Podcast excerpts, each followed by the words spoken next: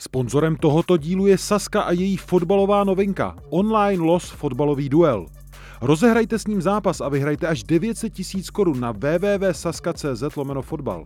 Na hazardní hře je zakázána účast osob mladších 18 let. Ministerstvo financí varuje. Účastí na hazardní hře může vzniknout závislost. Účast osob mladších 18 let na hazardní hře je zakázána. Ministerstvo financí varuje. Účastí na hazardní hře může vzniknout závislost. Góly, rohy, fauly, výsledky. Sáskové příležitosti po celý zápas najdeš u Fortuny. Ještě pořád nemáš vsazeno? Chyba! Jen se vsazeným tiketem fandíš na 200%. Stáhni si Fortuna aplikaci, získej vstupní bonus, vsaď si a dej svému fanouškovství nový rozměr. Do I not like that? Jose Mourinho press conference, should I? Thomas, it's off for grabs now. Season, Francis,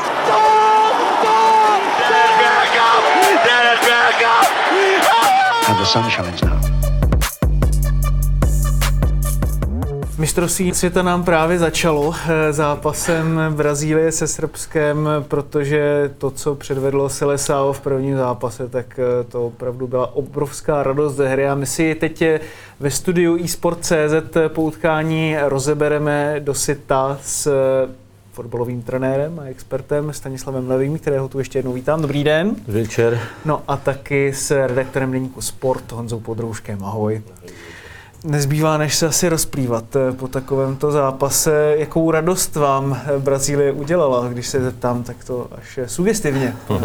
Tak očekávání, jak se představí Brazilci, byly eh, obrovský. Já musím říct, že ten jejich výkon přečil veškeré očekávání, protože to byl fantastický týmový výkon jak v defenzivní činnosti, kreativita do ofenzivy a, a já jsem se opravdu tím utkáním neskutečně bavil. Hmm. Čekal jsi, že to bude takovéhle představení ze strany Brazilců? Až tak asi ne, ale to, jakým způsobem dneska Brazílie umí rozmontovat obranu soupeře postupným útokem, je nenapodobitelný asi. Myslím si, že to povýšili až na umění v tomhle utkání. Naprosto špičkový výkon z mého pohledu předved Neymar, který měl na vliv, nebo na výkon svého mužstva ofenzivy naprosto zásadní vliv. Zaslouží si absolutní uznání ze všech těch lídrů, těch reprezentací. Si myslím, že udělal možná největší dojem. Bohužel to pro něj dopadlo špatně, viděli jsme tam i prostřih na jeho pravý kotník a na to, jak ho ledoval. Takže otázka pro Brazílii, bude schopná tohle vyřešit, ať už jeho zdravotní stav, ale patrně se nám taky dneska ukázalo, že lavička Brazílie je dost silná na to, aby to uměla Celkem silný to je, no. ono opravdu, když tam přicházeli ty střídající hráči za ty, co odstupovali ze zápasu, tak si člověk říkal, jako opravdu tady, tady by mohla být nějaká Brazílie C a byla by pomalu stejně silná jako to, co týče postavil do utkání, jako ten první tým. Každopádně z toho, co říkáte, tak mi to skoro zní, že je to asi zatím nejsilnější tým na tom šampionátu, možná zdaleka? Vypadá to tak. Tak eh, mluvili jsme o tom na začátku, že ten turnaj trvá měsíc, eh, aby vám vydržela forma, aby eh, jste neměli zraněné hráče. Pokud by měl Neymar vypadnout, i když tam mají na lavici výborné hráče, určitě by to byla ztráta. Jak říkám, jsou tam i mužstva, která na mě udělala taky velký dojem, jestli to je mladé mužstvo Španělska, jestli to byla Francie, takže ještě bych, ještě bych samozřejmě určitě po prvním zápase Brazílii nepasoval na mistra světa. Ne, to samozřejmě ne, ale z těch výkonů tak máme za sebou de facto první hrací kolo. Udělala teda na vás Brazílie největší dojem z těch všech týmů zatím? Jednoznačně, protože eh, měla asi nejsilnějšího soupeře. Španělé hráli taky výborně, ale Kostarika to byl jenom sparring partner, eh, Francie porazila Austrálii, takže tady z toho pohledu i v kontextu toho, proti komu Brazílie hrávat, tak eh, si myslím, že udělala na mě největší dojem. Každopádně do utkání trvalo jí to, než se tedy gólově prosadila, i když měla jednoznačně více ze hry, měla šance, ale až průnik Neymara, který vlastně otevřel ten prostor, díky kterému Richarlison vstřelil první branku, tak rozhodl.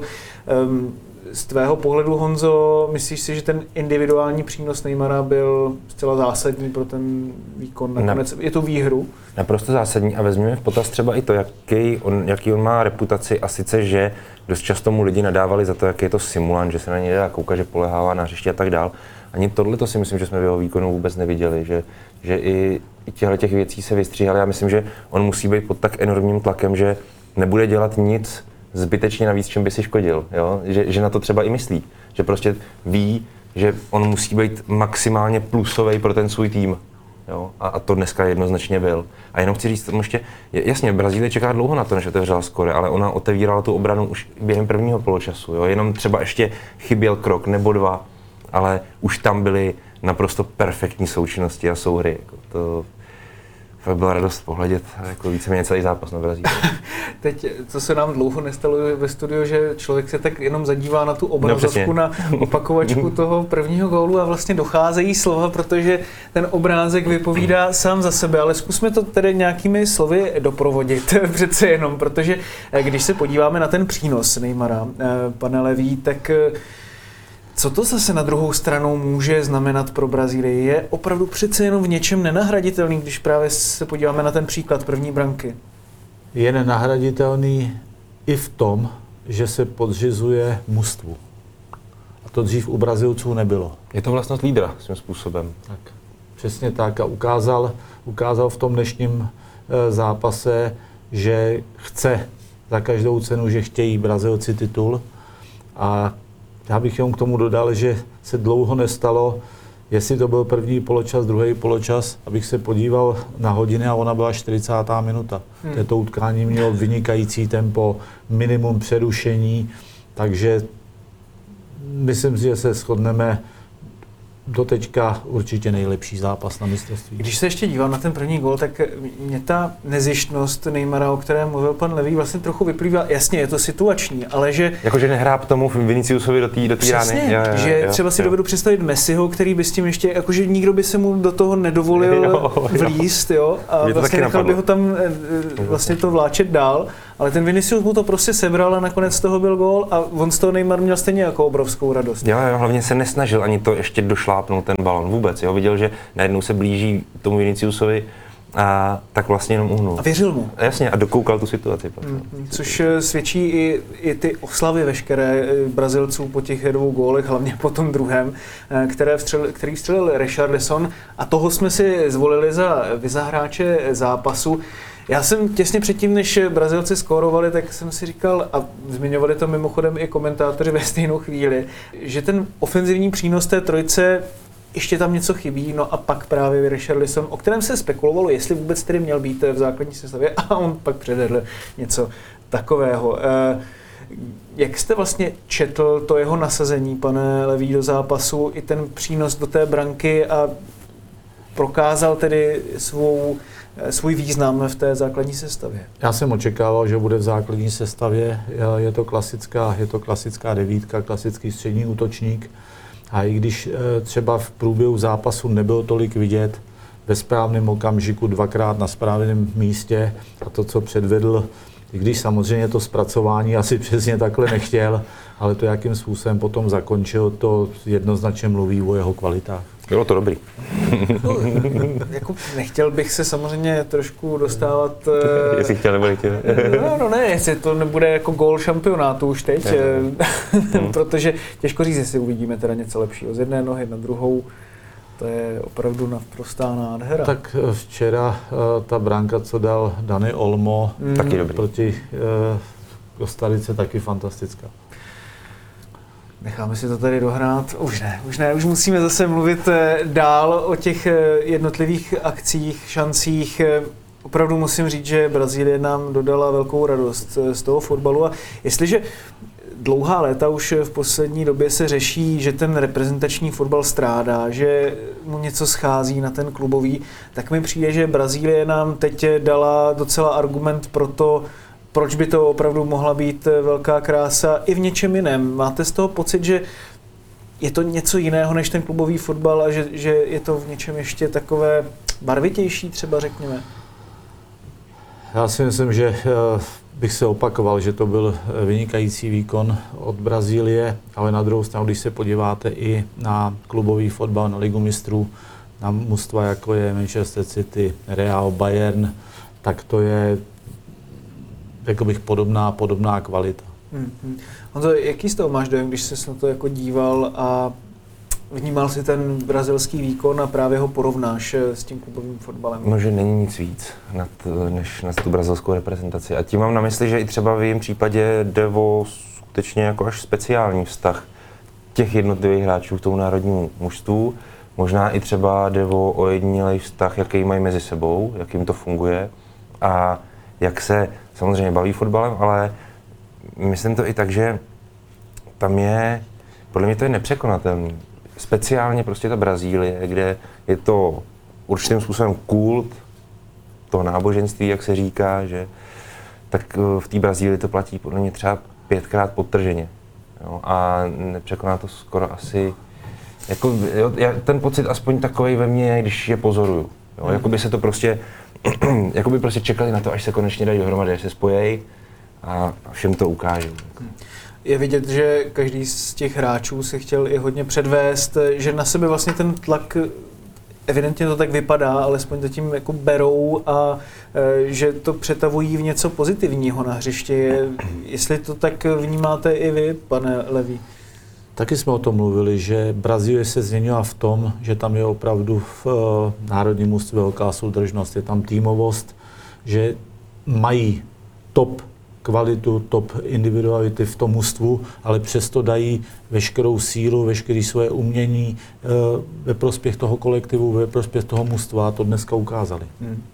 Eh, když se ale vrátíme k tomu zranění, které utrpěl Neymar, může být samozřejmě pro Brazílii velmi důležité. My jsme se bavili o té jeho potenciální nahraditelnosti třeba to dopadne jako s Pelem před 60 lety, který se v tom prvním zápase proti Československu zranil a poté eh, stejně třeba Garinča dovedl Selesao k titulu nevím, to samozřejmě eh, můžeme spekulovat, ale kdyby opravdu Neymar nemohl pokračovat například eh, alespoň po nějakou dobu, o co by teda Brazílie z tvého pohledu Honzo přišla? No tak o ty dvě věci, které jsme zmiňovali, to je teda nějaký jednoznačně ustavený lídr, který dneska je tím Neymarem zosobňovaný, úplně nesporně. Mám opravdu z něj jenom ten pozitivní dojem v tomhle utkání konkrétně a ten přínos do ofenzivy, kde vlastně jednak je jeho samozřejmě dovednost, ta technická, ta jemná technika, i ta, i ta schopnost chodit přes hráče, to znamená nějaký dribbling a tak dál, ale vlastně on tím vystavuje do vynikajících pozicí svoje spoluhráče, což je ten přínos týmový, tak jak se o něm tady bavíme. Každopádně je to stále jenom zahajovací utkání a nemá smysl samozřejmě korunovat Brazílii už teď. Viděli jsme spoustu příkladů, kdy na nás nějaký tým extrémně zapůsobil právě v tom zahajovacím zápase vybavuju si právě lodně třeba Francii a pak to nakonec velmi rychle skončilo a šlo to jenom s těmi výkony dolů. Konec konců i u Brazílie jsme tady toto viděli. Co si myslíte, že třeba může u Brazílie hrát roli, aby tento výkon dokázal replikovat a ještě třeba i stupňovat. Po dnešním eh, výkonu, po dnešním zápase eh, by se dalo říct, že Brazílie bude, eh, Brazílie bude těžko někdo konkurovat, ale fakt je, že potom od osmi finále je to na jeden zápas, nemusí vám to utkání sednout, jak jsme viděli, můžete mít zraněné hráče, ten den, říkám se vám, nemusí to utkání vydařit a jste z turné venku, takže v tomhle tom vidím nebezpečí, hmm, že ty jeden zápas může vlastně všechno zhatit. Může se změnit psychika týmu, jo? třeba ačkoliv se budete cítit dobře a ta forma vlastně vašeho týmu i třeba vás osobně bude dobrá, bude na vysoké úrovni, tak i přesto v tom utkání, kde na vás dolehne ta, eh, taková ta hrozba té konečnosti okamžitý, kdy vlastně opravdu jenom těch 90 minut pokazíte a už není žádná náprava, i to může vlastně vaši mentalitu a psychiku ovlivnit a může to být skutečně diametrálně rozdílný, ta vyrazovací část a skupinová. Hmm. Ostatně to jsme viděli vlastně i u Brazílie na těch eh, posledních mistrovstvích, eh, kdy měla velmi na mále z čele s Kolumbií. Eh, na minulém šampionátu to taky nakonec ten tlak velmi dolehl, takže to může asi být teda ten jeden z těch faktorů, plus i možná to, že pořád je to takový ten tým, na který se asi všichni chtějí nejvíc vytáhnout na té reprezentační úrovni. Asi není nic víc než Brazílie, co? tak eh, samozřejmě v Evropě se chtějí vytáhnout všichni na Německo, na Francii. Pravda. A jak říkám, ta cesta je ještě strašně dlouhá pro Brazílii a, a čeká tam spousta překážek a bude záležet, jak se s tím dokážou mm, vypořádat po celou dobu vlastně toho turnaje. Hmm. Um, když eh, se zaměříme právě na to, že Brazílie teď ještě má před sebou zápasy se Švýcarskem a s Kamerunem. Jak třeba hodnotíš i sílu té skupiny jako právě přípravu Brazílie pro tu vyřazovací část, pokud se tedy samozřejmě do ní, do ní dostane. No, překvapilo by mě, kdyby Brazílie měla problémy se Švýcarama nebo s Kamerunem. By Švýcarsko je takový houževnatý soupeř, nebo jak to říct, defenzivě jednoznačně.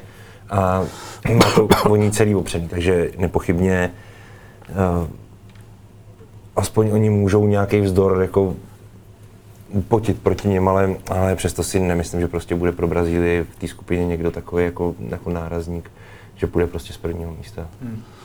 To vidím uh, absolutně stejně, a, ale na druhou stranu si myslím, že potom v té uh, vyřazovací části, že budou mužstva, který prověří Brazílii daleko víc, prověří daleko víc její defenzivu, která dneska hrála bez chyby, precizně, ale narazí na mužstva, který určitě budou mít ještě větší kvalitu, větší sílu, než mělo, dnes, než mělo dneska Srbsko. Hmm. Když se každopádně zaměříme třeba trošku z toho více taktického hlediska na ty funkční části toho brazilského týmu, ať už jsou to kraje obrany, dejme tomu, nebo střed eh, obrany společně s brankářem, střed zálohy. Co se vám z toho defenzivního pohledu, pane Levý, třeba líbilo nejvíc, když se na tu Brazílii podíváte? Já myslím, že to byla organizace hry, pressing, jakým způsobem ho hráli, jak rychle opravdu získali znova zpátky balon pod svoji kontrolu. Absolutně vyvážený výkon celého mužstva. Hmm. To je strašně důležitý říct mimochodem. Jo. Tady je, protože u, u vyspělých nebo nejvyspělejších mužstev světa, ale platí to spíš pro tu klubovou scénu, platí, že ta jejich um, Eh, jako struktura hry je vel, nebo organizace hry je velmi taková přizpůsobivá. To znamená, prolínají se řady, prolínají se obránci s ofenzivními hráčema a tak dál. Hodně na to trenéři dbají dneska, aby zefektivnili ofenzivu i defenzivu. Ale třeba dneska na tom brazilském výkonu bylo poměrně dost vidět, že naopak ta jejich sestava je poměrně dost strukturovaná. Jo. Tam opravdu se oddělovali ofenzivní i defenzivní hráči docela dost přísně a bylo to jako poznat jednak z toho postavení a i z toho, kde přebírali balón a jak se doplňoval potom útok. Nicméně, kdo aspoň trochu to probourával, ale přesto to zapadá mimochodem do té struktury a do té, eh, jako jak strukturovaná ta světová Brazílie je, že vlastně krajní obránci Brazílie doplňovali útok, ale doplňovali ho jenom, eh, jenom v určitých momentech. Jo? Nebyli nahoře nebo vysoko pořád. Jo? Bylo to opravdu s nějakou mírou jako takový, takový sebezáchovy, jo, nebo organizovanosti právě, bezpečnosti vůči vlastnímu týmu. I to je dneska, nebo dnešní Brazílie. Hmm. Tam ani nebyla až tolik potřeba ty, eh, podpora těch krajních obránců, no, protože na křídlech. Byli výborně, nebo jsou výborně, eh, výborně výborné hráče tam mají, kteří dokážou jeden na jednoho, dokážou vytvořit situace pro spoluhráče, tak dneska nebyla ani tolik potřeba ta podpora, jestli to byla od Danila nebo Alexandra, tak e, proto ta vyváženost tam byla v té hře Brazílie jednoznačně vidět. Jak vlastně vnímáte oba dva, ale zeptám se nejdříve vás, pane Levý, ten krok Pierluigiho Koliny a vlastně toho technického a rozhodcovského týmu, který on vede k tomu, aby e, se tedy zamezilo zdržování ve hře a e, vlastně podpořila se ta plynulost hry. Myslíte si, že to k tomu spěje, že to tomu opravdu napomáhá? Já tady to rozhodnutí beru pozitivně v tom smyslu, že pokud tam je nějaký simulování, zbytečný zdržování, proč ne? Na druhou stranu viděl jsem i zápasy, kde se nastavilo 9-10 minut a z mého pohledu to bylo zbytečný. To, že máte balon v zámezí, samozřejmě, ale určitě by to mělo mít smysl zamezit zbytečnému zdržování, simulování, aby ta hra byla plynulá, jako to vidíme dneska první poločas. Hmm.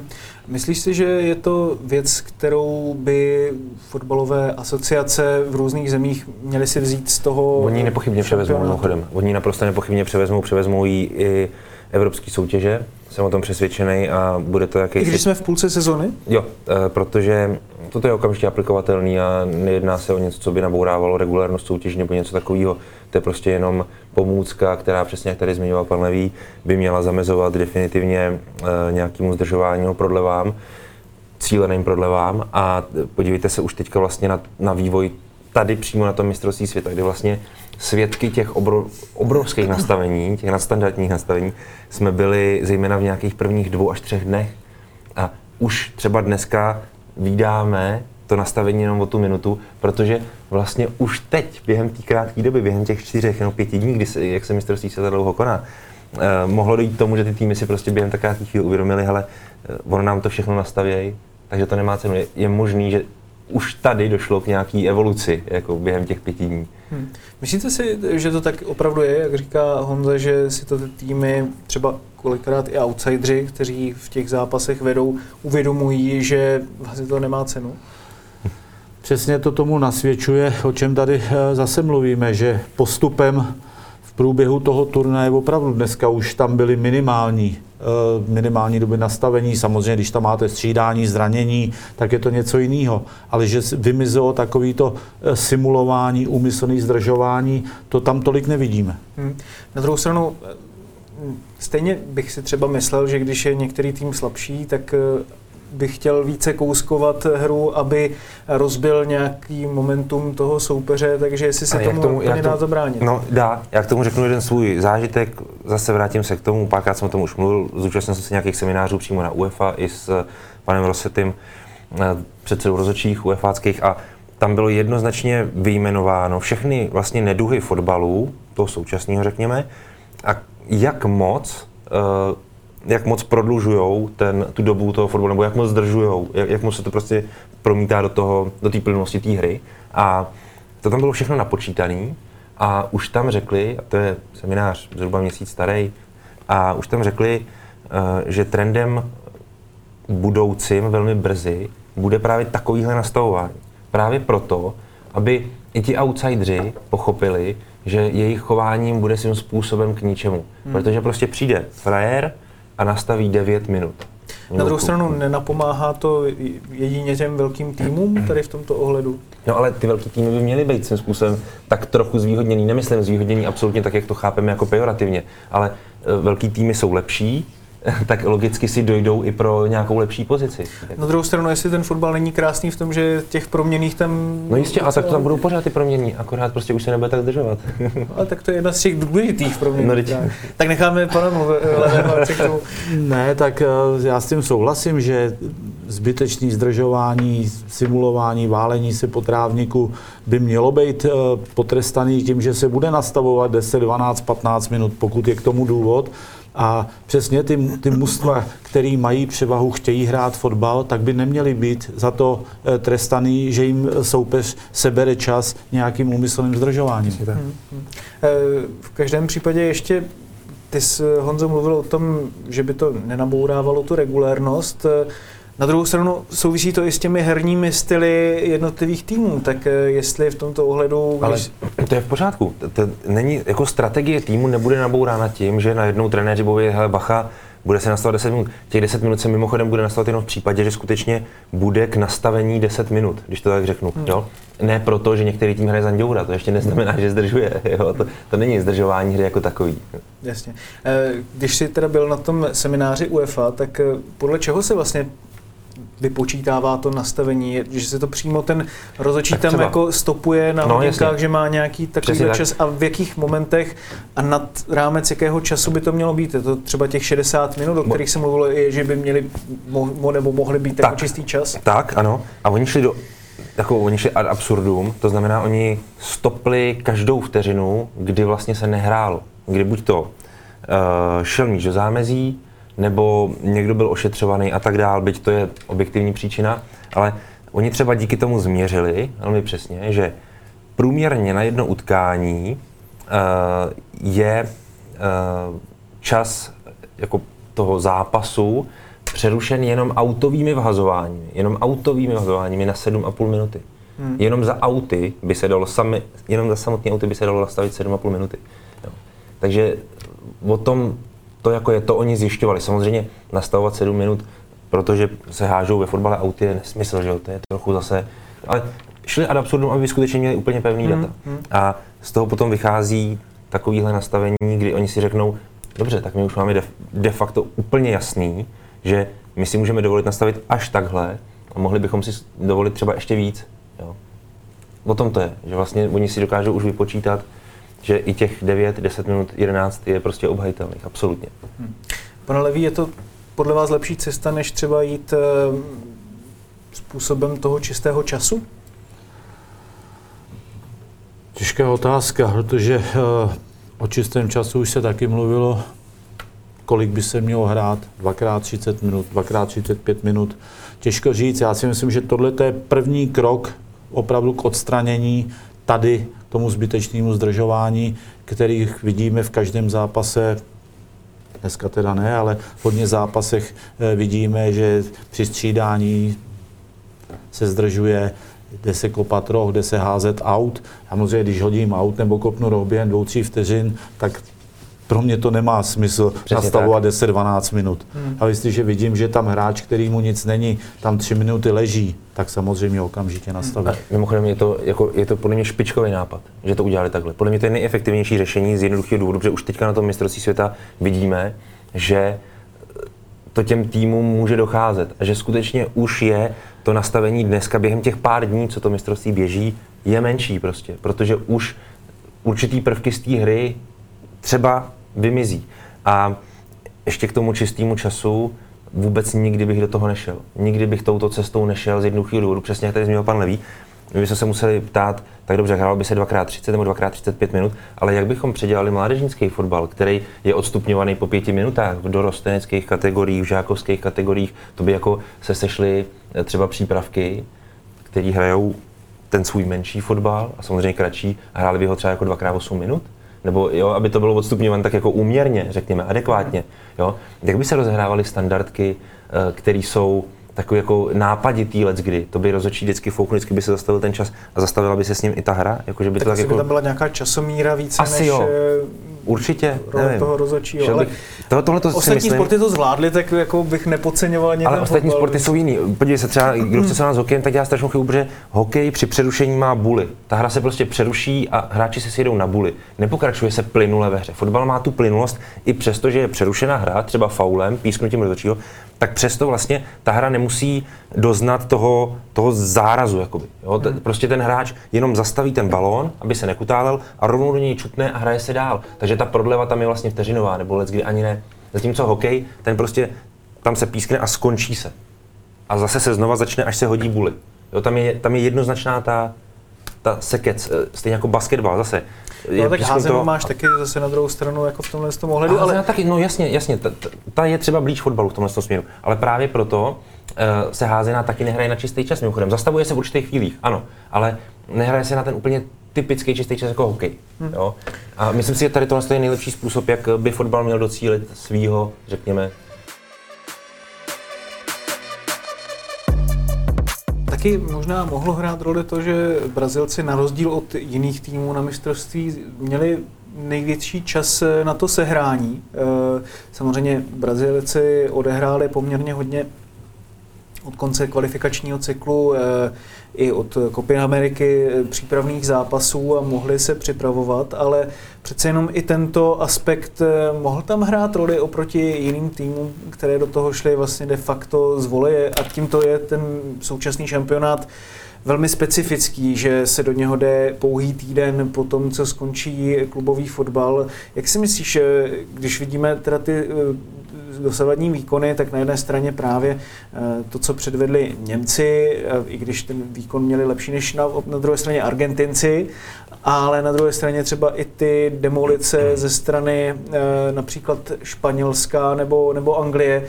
Bude to nakonec ve výsledku svědčit těm velkým týmům, že ten zimní termín se hraje takto v rozehrané sezóně? Neřekl bych, že to znamená tohle, jo, protože um, vlastně řada soutěží, dá se říct skoro všechny, končily v podobném termínu, plus minus. Jo. To znamená, všichni hráči, účastní mistrovství světa, měli plus minus uh, stejnou dobu přípravy nebo stejnou dobu odpočinku, to znamená skoro žádného odpočinku. A v podstatě reprezentace, tak jak jsou ustavený na tom mistrovství světa, se velmi podobají um, nějaký dlouhodobý, uh, nějakému dlouhodobému výzoru nebo složení. Podle toho, jak ty trenéři skládali a tak dále.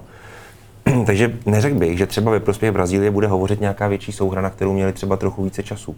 Jo, to by... Spíše si ty malé týmy třeba teď nemají tolik času natrénovat tu defenzivní složku toho, toho týmu. Já si spíš myslím, že to vychází z toho, že ty týmy opravdu jsou více či méně relativně ustálený, ty kádry reprezentační, a mají vysokou míru e, taktické přípravy nebo taktické vzdělanosti, řekněme.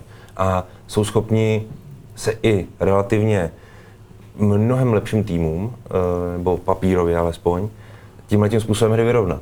Nebo vyrovnat, vzdorovat jim. Jo? Hmm. A jako zase, když si vezmeme výkon Německa, tak Němci, Němci měli jako výbornou přechodovou fázi do, do vápna. Jo. Tam to někde prostě uh, krachovalo, tak jako té Argentíně, hmm. ale spíš se asi přikloníme k tomu, že kdyby jsme vedli tým, tak bychom radši, aby hráli jako ti Němci, než jako ti Japonci. Jo. Protože hmm. spíš výkon Německa vede těm třem bodům. Bohužel, co čert nechtěl a smůla smůlovatá, to taky k tomu fotbalu patří. Tím způsobem, byť tam může být i nějaká nedisciplinovanost, nedůraznost. Jo, ale jak, zeptám se vlastně na tu též otázku i vás, pane Levý. Prospívá to tedy podle vás spíš favoritům nebo outsiderům? Eh, ta individuální kvalita hráčů, pokud ji dají ve prospěch toho mužstva, tak si myslím, že ty hráči hodně rychle dokážou střebat to, co chtějí hrát, ten systém, tu taktiku, takže není tam potřeba nějaká dlouhodobá příprava. A myslím si, že ty mužstva to ukazují, jestli to je Francie, jestli to je Brazílie, šli do toho, dalo by se jít z voleje týden po tom, co skončil ligové soutěže a vidíte, jak jim to dobře funguje. Hmm. Na druhé straně věc, která se hodně řešila v souvislosti s tímto mistrovstvím světa, jsou zranění hráčů a zranění velkých hvězd, které se toho šampionátu zúčastnit nemohou, jako je například Karim Benzema, držitel zlatého míče a Sadio Mané, který byl v té první trojce. Teď si Brazilci odnesli tři zraněné hráče de facto z tohoto utkání. Máte pocit, že ten nahuštěný program k tomu hodně přispívá, pane Levý? No, já bych to určitě nespojoval s tím, že se hraje mistrovství světa teďko, teďko v zimě, protože i v minulých, při minulých mistrovství světa chyběli hráči, klíčoví hráči těm mužstvům po dlouhé sezóně. Je to, řekl bych, že spíš eh, schoda okolností eh, na konci sezóny, kdyby se hrálo mistrovství světa v létě, máte v nohách, já nevím, 60, 70, 80 zápasů, takže to já bych to s tím nespojoval. Nejvíc zatím na to, myslím, doplatila eh, Francie. Nemá Benzemu, nemá Kunka, nemá, nemá Kanteho, nemá Pogbu a přesto se s tím dokázala vyrovnat a jak říkám, i, i při těch minulých šampionátech tam chyběli někteří top hráči, tak to patří prostě k fotbalu, že jsou zranění a, a na trenérovi je potom, aby dokázal vybrat správné náhradníky. Hmm. Je to tak, protože ono možná z logiky věci, nebo já bych řekl, že vlastně ten letní termín pro ty šampionáty možná trochu víc svádí k těm zraněním, protože hráči jdou vlastně do té přípravy na šampionát nebo na ten šampionát vlastně z období sezóny, který je pro ně možná mnohem náročnější, kde se vlastně ty sezóny lámou, kde se rozhoduje o tom, jestli bude ta sezóna úspěšná nebo neúspěšná a kde se ty síly tudíž jakoby nejvíc napínají, nejvíc koncentrujou a nejvíc tam může podléhat nejen ta psychika, ale i ten organismus. V tu kritickou klíčovou chvíli sezóny. A to teď není. Jo? Řekl bych, že teď se jde spíš v té fázi, kdy ti hráči až pod tím největším tlakem nejsou momentálně. Jo? Mají před sebou ještě půlku sezóny.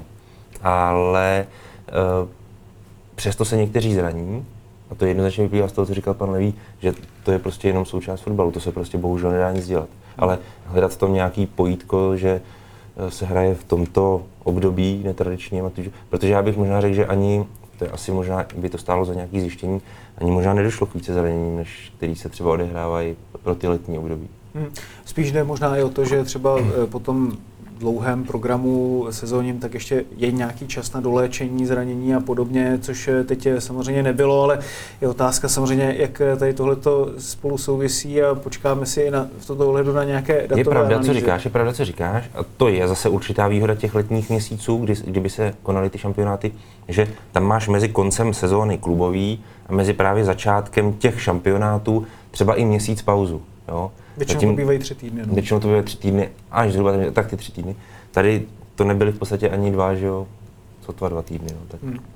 Dobře, může tam být třeba, ale, ale neřekl bych, že to hrálo klíčovou roli v tom Zas eh, výhoda eh, hráčů je, že šli z plný zátěže v půlce sezóny, jsou kondičně výborně připravený a já si myslím, že i na těch zápasech je to vidět, že většina těch utkání hmm. měla eh, výborný vysoký tempo, intenzita v osobních soubojích je, je na maximum, na 100% a mm, jak říkám, já si myslím, že zatím můžeme být s průběhem šampionátu až na některé zápasy eh, spokojení, protože ta, eh, ta úroveň je podle mě na vysoké je vysoká. Doufejme, že na vysoké úrovni budou i další utkání, kterým se budeme věnovat ve studiu eSport.cz. Už zítra můžete sledovat eh, právě komentáře k utkání Anglie-USA eh, i společně s naším hostem, kterým bude Václav Kotal. V neděli zase přijde Jaroslav Hřebík na zápas Španělsko-Německo. To vše vás čeká ve studiu eSport.cz k vybraným utkáním na této eh, velké akci, která se koná eh, právě v těchto zimních netradičních měsících, ale pokusíme si i nadále užít. Já moc krát děkuji dnešnímu hostovi, panu Stanislavu Levému a těším se na vás moc i v dalších týdnech. Děkuji za pozvání. No a moc se těším i na další debaty s Honzou Podrouškem, kterému taky moc krát děkuji. Děkuji taky. Děkuji. No a my se s vámi loučíme a mějte se krásně, uvidíme se zítra.